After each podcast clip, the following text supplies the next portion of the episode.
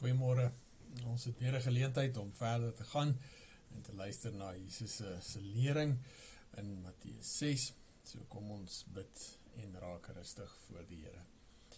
Vader, baie dankie dat ons so voor U mag rustig word. Dankie dat ons hierdie gesprek wat U met ons deel, uh, mag lees in ons eie taal.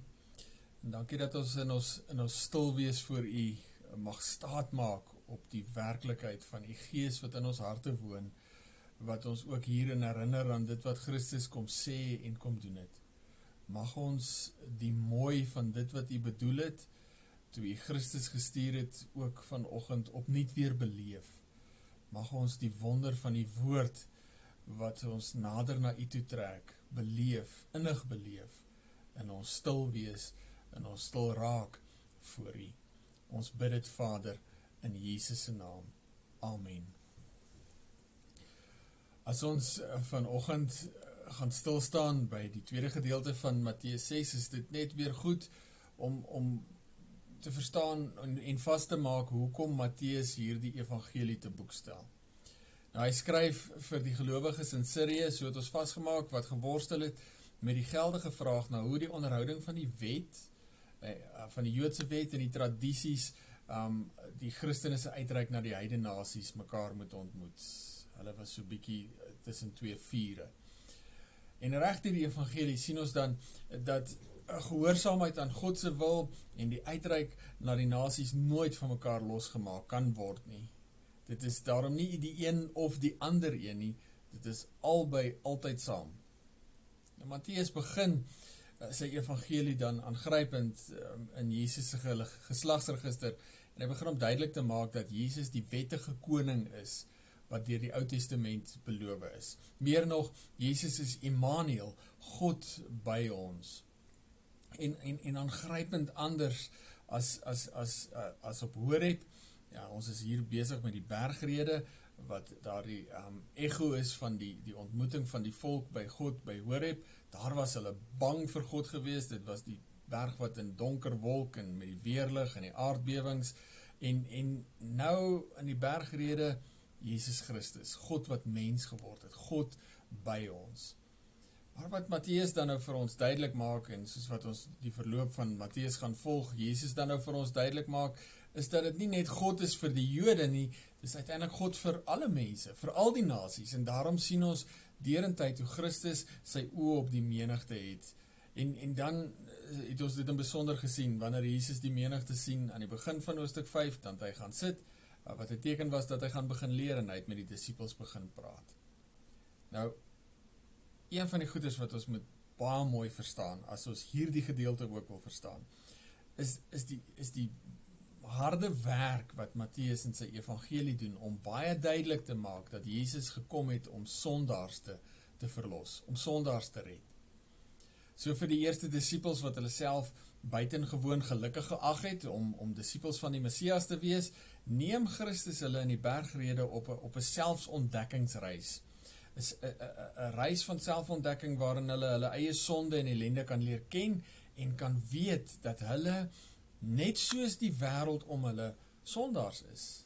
En daarin uh, kan hulle die genade van God ja, en sy barmhartigheid leer ken in Christus.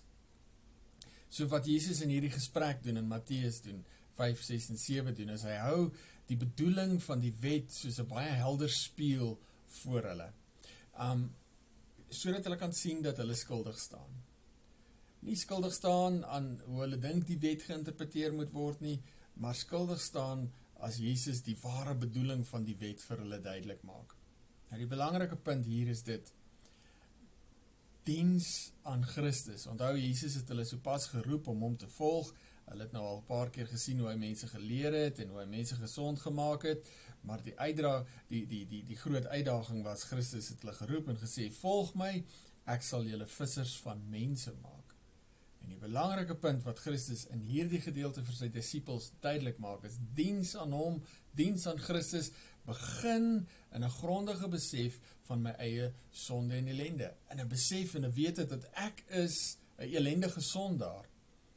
En daarom ook 'n grondige besef van wie Christus is, my genadige verlosser. Nou vir die eerste gelowiges wat geworstel het met die vraag nou hoe die onderhouding van die wet die uitreik na die nasies ontmoet, was hierdie ook die belangrike beginpunt wat hulle moes snap. Ons begin nie ons diens aan God halfpad in die verhaal in in terme van hier's wat ek moet doen of nie moet doen nie. Ons begin ons verhouding met Christus, ons diens aan Christus in daardie dieptepunt van 'n besef van wie ek is, 'n elendige sondaar wat verlossing nodig het en wie hy is, 'n genadige God wat verlossing gee. So Matteus 5 en 6 word in Matteus 5 en 6 word die gelowige begelei om 'n nugter om nugter na sy of haar eie lewe te kyk. Ek is 'n sondaar in nood aan verlossing. Ons ons diens aan Christus word nooit gebore uit die besef van wat ek vir hom kan doen nie. En daai is regtig belangrik. Dit is waarmee die eerste gelowiges geworstel het. Hier's wat ons moet doen of nie moet doen nie. Ons diens aan Christus word nooit gebore uit wat ek vir hom kan doen nie, maar eerder uit 'n besef van dit wat hy vir my gedoen het. Hy het my uit genade gered.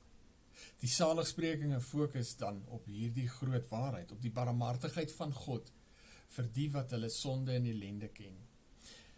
In die uitspraak oor lig en sout en lig wees, um, word God se hoë ideaal vir sy kinders voorgehou en dit gaan nie daaroor om om skuldig te maak of om te wys wie skuldig en wie onskuldig nie. Dit gaan net oor wat was wat was God se bedoeling met sy kinders. En ons ons hoor hierdie in in Genesis al dat God die mens maak as sy verteenwoordiger en dan uiteindelik die hele skepping aan ons toevertrou, aan die mens toevertrou. Die mens is die teken van God se teenwoordigheid in die wêreld, sy beelddraer as ons praat oor Genesis 1.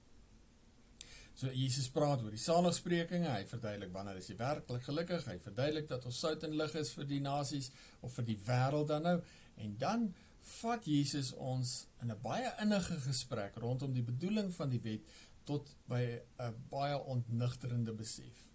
Ek leef ook baie keer soos die ongelowige wêreld asof God nie daar is nie. Jesus praat oor die begeertes van die hart.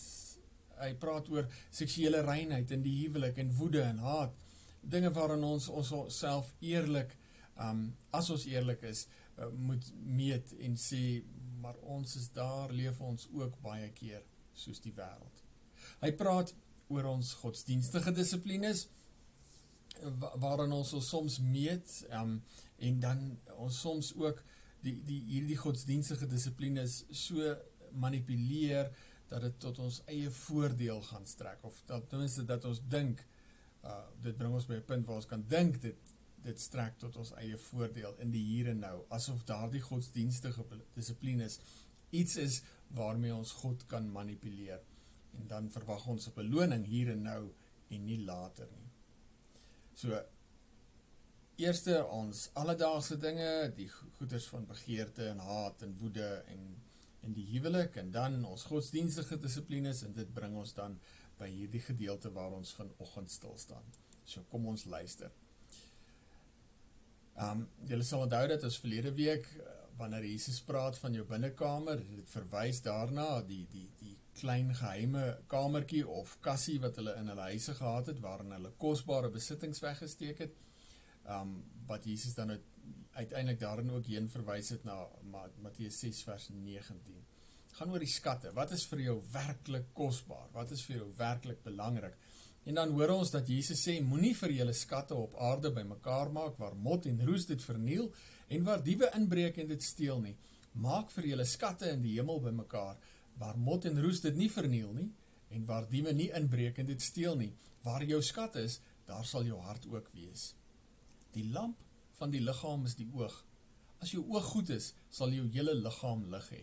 Maar as jou oog sleg is, sal jou hele liggaam sonder lig wees. As die lig in jou donker is, hoe donker moet dit dan nie wees nie? Niemand kan vir twee baase te gelyk werk nie. Hy sal of die een minder ag en die ander een hoër, of vir die een meer oor hê en die ander een afskeep. Jy kan nie God en Mammon dien nie. Daarom sê ek vir julle, moet julle nie bekommer oor julle lewe, oor wat julle moet eet of drink nie, of oor julle liggaam, oor wat julle moet aantrek nie. Is die lewe nie belangriker as kos en die liggaam as klere nie? Kyk na die wilde voëls.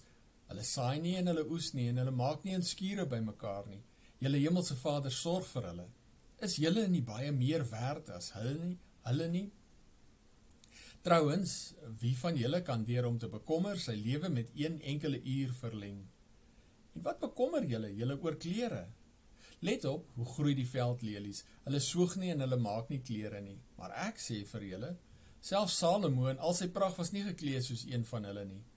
As God dan die gras van die veld wat vandag nog daar is en môre verbrand word so versier, hoeveel te meer sal hy dan nie vir julle sorg nie, julle klein gelowiges.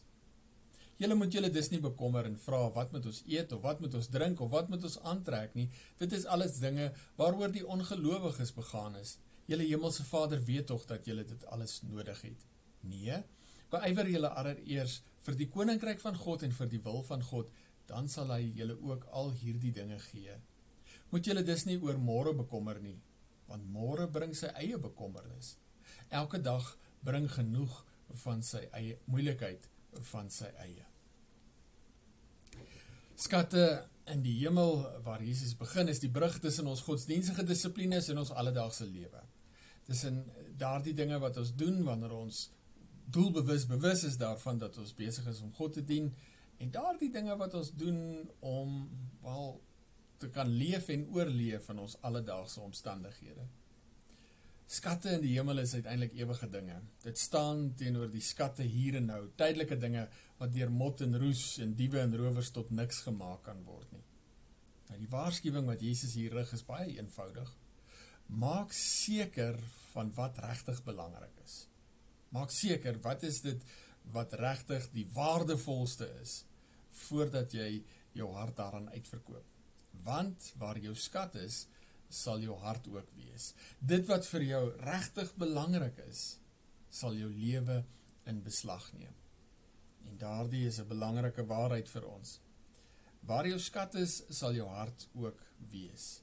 Dit wat vir jou regtig belangrik is, dit wat vir jou die belangrikste is, sal jou lewe in beslag neem.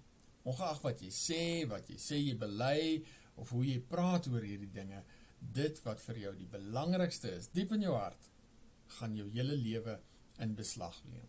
En daarom praat Jesus oor oor die lig vir die liggaam.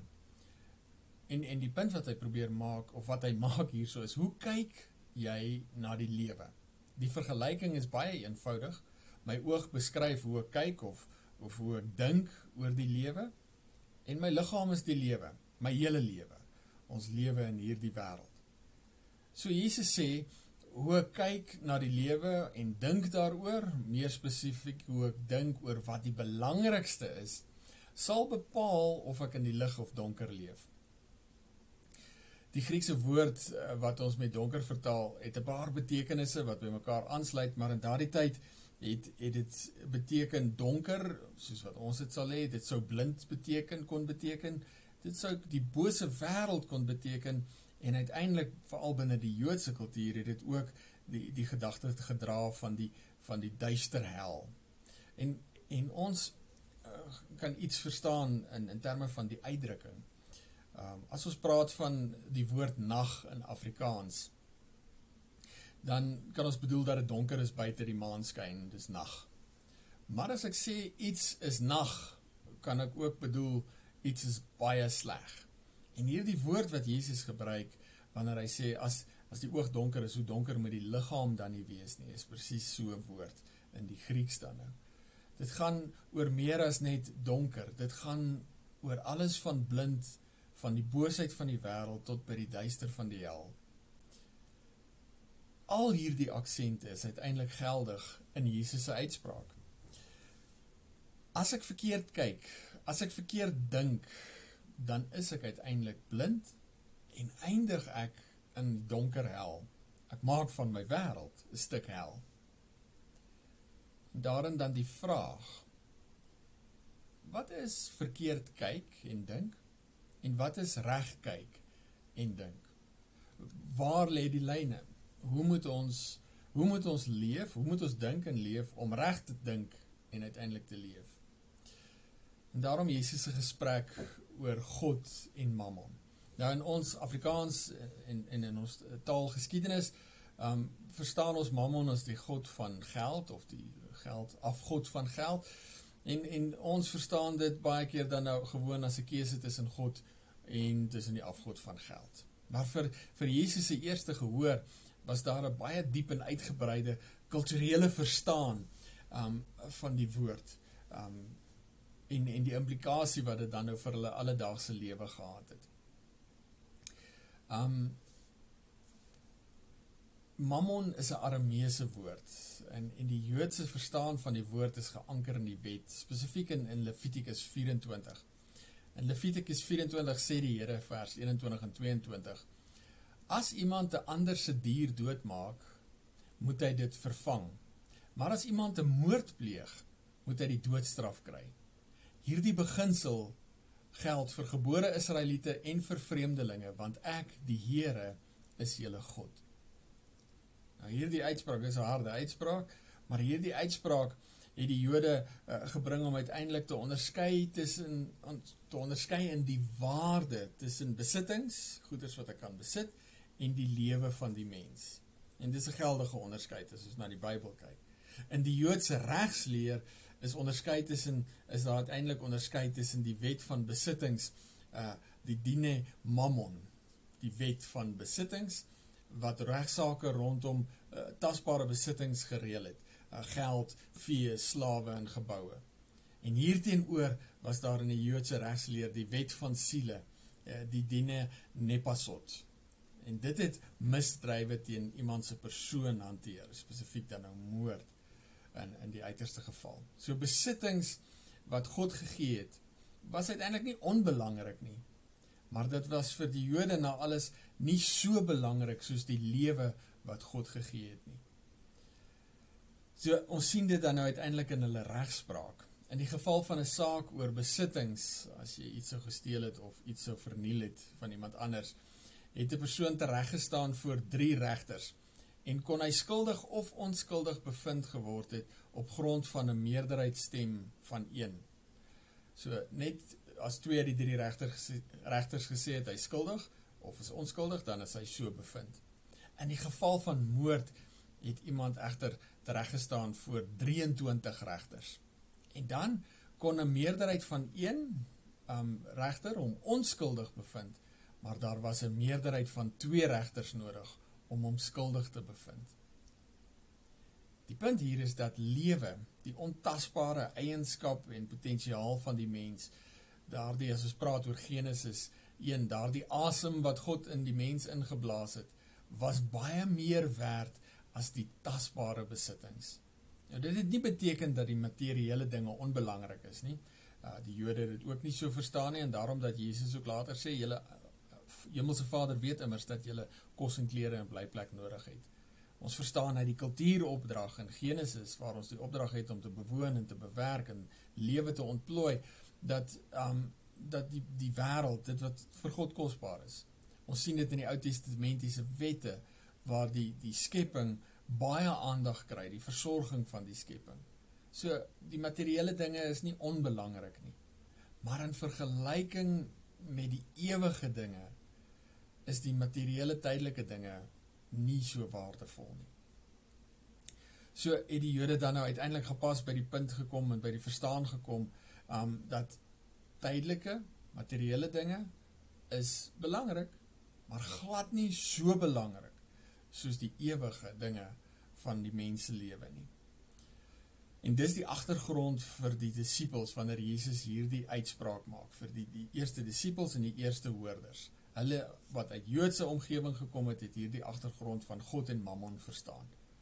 So Jesus kom dan met hierdie uitspraak en en bring ons die eerste disciples en vir ons by een baie belangrike keuse in ons leven. Hoe denk ons oor ons leven? Hoe denk ons specifiek oor dit wat die belangrikste is? Uh, waaran sloof ons ons uiteindelik af? Maar Jesus maak een nog dieper punt. Dit gaan uiteindelik nie hier oor dit wat jy besit nie, dit gaan ten diepste in Jesus se uitspraak hier oor wie jou besit. Nou, ons vertaal Jesus se uitspraak met jy kan nie twee baase gelyk dien nie. Nou in ons tyd is dit moontlik, jy kan twee werke hê en daarom twee baase hê. Maar Jesus gebruik nie in hierdie gedeelte een van die diakon woorde, daardie woorde waarby ons stil gestaan het toe ons oor die diakon studie gepraat het nie. Um daardie woorde wat diens beskryf, diensdraers, amptdraers, um dienaars beskryf nie. Jesus gebruik die Griekse woord vir slaaf. En dit is belangrik om dit te hoor. Dit gaan nie hier oor jy kan nie twee twee um twee werknemers dien nie, twee baase dien nie. Dit gaan hier oor die baase. Gaan nie oor die die die dienaars nie. Jesus sê hier ons dien uiteindelik die een wat ons besit. Ons dien die een in wie se mag ons is, ons dien die een aan wie ons behoort. Paulus sluit nogal hierby aan in Romeine 6 wanneer hy sê ons is ons is 'n slaaf van die een wie ons gehoorsaam. So as jy die sonde, jou sondige natuur gehoorsaam, is jy 'n slaaf van die sonde, aan die ander kant as jy God gehoorsaam, is jy 'n slaaf van God. So Jesus praat nie hier oor die dienaars nie. Jesus trek ons harte uh, trek ons 'n bietjie terug van ons omstandighede af en sê ons moet dieper kyk. Ons moet nie vra wat besit ons nie. Ons moet eerder vra in wie se besit is ons. Jy is 'n slaaf van die een wat jy dien. Wat Jesus duidelik maak is dit dat jy nie 'n slaaf van twee baase of eienaars kan wees nie. Jy het een eienaar. En ons behoort aan God. Hy het ons gemaak, ons is sy verteenwoordigers om oor sy skepping te heers. En dit hoor ons in Genesis 1 en 2 en en daarom dat Dawid in Psalm 24 kan sê die aarde en alles wat daarop is die wat daarop woon behoort aan die Here want hy het dit gemaak. Nou, ons is slawe. Nou, in ons tyd val dit nou nie so lekker op die oor nie um, maar ons is slawe. Dit is genade die genade wat ons mag ken is dat ons slawe is van 'n goeie God en en en liefdevolle God maar ons is slawe God het ons spesifiek gemaak vir 'n spesifieke doel op hierdie wêreld. Ons is daarin slawe van God. Want die die genade is regtig groot. In Jesaja 43 vers 1 beskryf uh, Jesaja hierdie waarheid as as die Here met sy volk praat wat in ballingskap verval het en wat wat regtig swaar getrek het. Al oh, in ballingskap as gevolg van hulle ongehoorsaamheid, maar tog nog God se sorg en se liefde. As die Here sê ek het jou gemaak, jy is myne en ek sal jou beskerm, selfs as jy deur vloedwater of vuur moet gaan. So wanneer God na ons kyk, is dit belangrik om hierdie te verstaan. God is 'n goeie God wat mooi kyk na dit wat aan hom behoort. Maar ons slaaf-eienaar verhouding en dis dit is ons moeilikheid het met die met die sondeval stikkend gebreek. Van daardie oomblik af kon ons God, sy wese en sy wil nie meer reg ken nie En ons het gekies om dinge in die skepping te aanbid asof dit God is. Paulus beskryf daardie dinamika mooi in Romeine 1. So in plaas daarvan dat ons in in 'n in 'n slaaf um, baas verhouding staan met die lewende God, 'n goeie, liefdevolle God, het ons omdat ons hom nie meer kon ken nie, in 'n in 'n slaaf baas verhouding begin staan met dooie dinge. Losgeskeer vanuit ons verhouding, ons innige verhouding met met die ware God het ons het ons weggedryf en en het ons sondige natuur gemaak dat ons materiële dinge um begin vasgryp het. Dit het die belangrikste dinge in ons lewe geword. En hierin die doodsgreep van die sondeval. Dit wat ons dink ons besit, besit ons uiteindelik. Ons is vasgevang in die dinge wat ons het. Jesus dwing sy eerste disippels, die eerste hoorders en ons om onsself hardgrondig te verantwoord. Aan wie behoort jy? Nou die vrome antwoord en natuurlik die regte antwoord is om is om te sê dat ek aan God behoort en dit is waar. Maar wat Jesus doen in hierdie gesprek is om die disippels voor die helder spieël van die wet te stel en te vra: Is dit hoe jy lewe? Leef jy in jou alledaagse lewe soos iemand wat aan God behoort? Jesus neem en daar kan jy weer gaan kyk na daardie sketsie daardie flitskaart by die sketse op op Google Drive. Jesus neem sy disippels trapsgewys af na 'n dieper ontdekking van hulle eie sonde en ellende.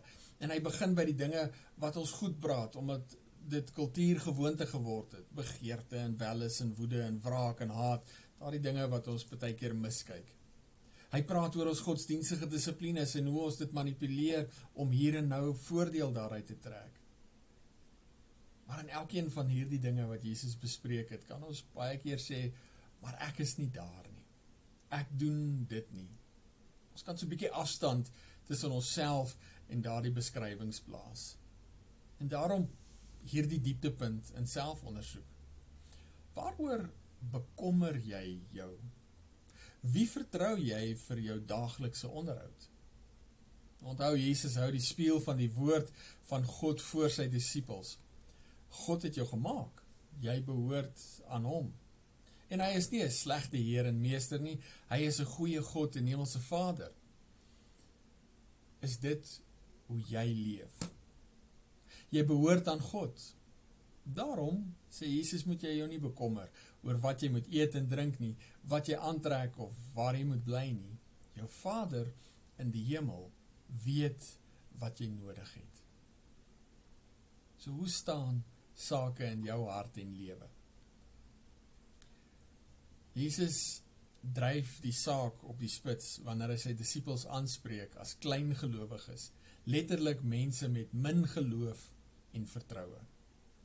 En dit is die dieptepunt van nigter selfkennis. Ek, soos die wêreld, leef baie keer asof God nie daar is nie, asof ek nie aan God behoort nie. Asof die hier en nou dinge die belangrikste dinge in die lewe is. Soms asof die hier en nou dinge al is wat regtig saak maak. Jesus staan 'n oomblik stil hierby en hy vra: Is die lewe nie belangriker as die liggaam nie? Is die ewige lewe nie belangriker as die tydelike dinge nie? Jesus gebruik 'n voorbeeld en hy sê vir die disippels: "Kyk na die velvoëls en die veldblomme. Die Here kyk na dit wat syne is. Hy is 'n goeie God wat alles goed en mooi gemaak het. Meer nog, die Here is lief vir sy skepping, vir dit wat hy gemaak het. En daarom kan ons ook in ons eie worsteling rondom hierdie vraag vasgryp aan aan Jesus se aangrypende en dis 'n regtig aangrypende uitspraak in Johannes vers 16 as hy met Nikodemus praat. Dan sê Jesus vir hom want so lief het God die wêreld gehad dat hy sy enige gebore seun gegee het sodat elkeen wat in hom glo nie verlore mag gaan nie maar die ewige lewe kan hê. Die ewige lewe kan hê. Die Here kyk mooi na dit wat syne is. En dit is die punt van Christus wat mens geword het. Die Here het kom soek en red wat verlore is. Na die sondeval het ons in die donker geval omdat ons God nie meer kon regken nie, het ons van die van ons lewe in hierdie wêreld 'n donker stikkende seerplek gemaak.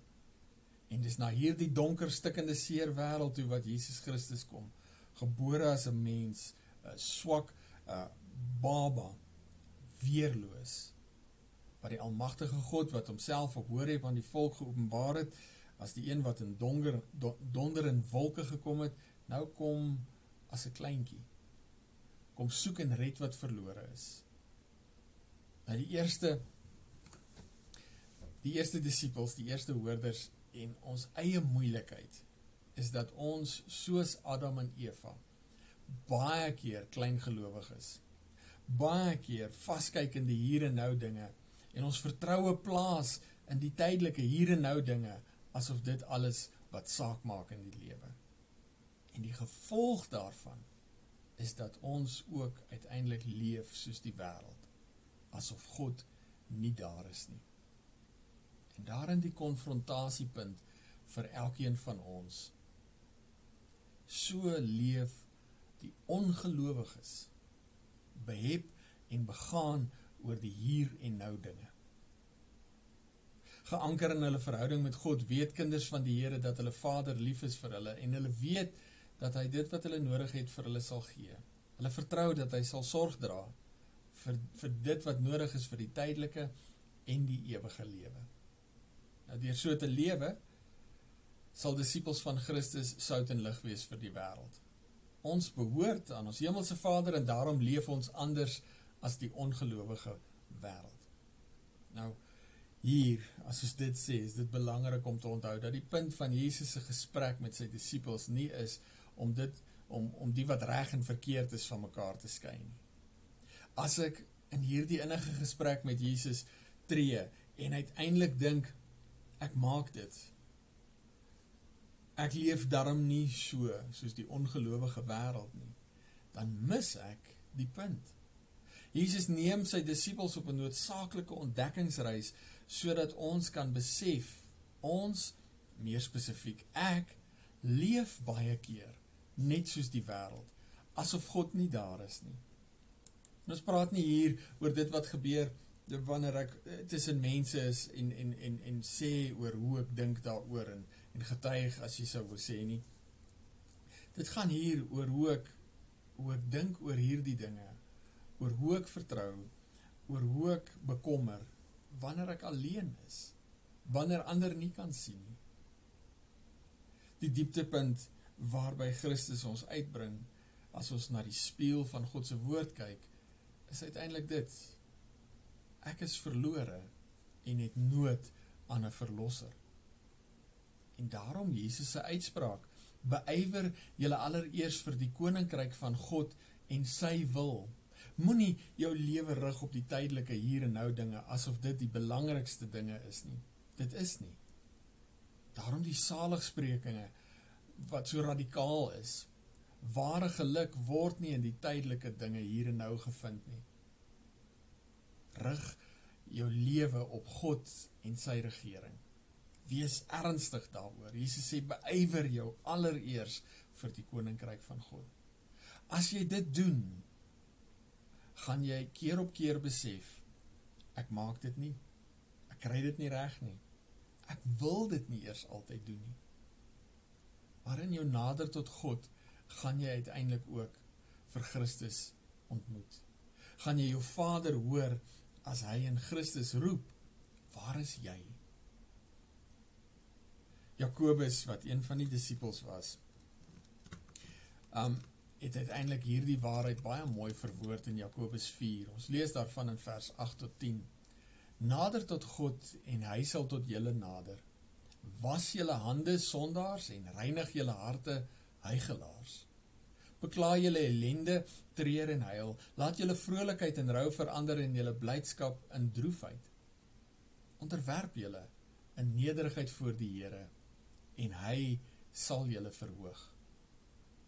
Jakobus is nie negatief as hy so praat nie. Hy verstaan die waarheid wat Jesus hier in Matteus met ons deel. Hy sien homself nigter in die spieël van God se woord en daarin besef hy sy eie sonde en ellende.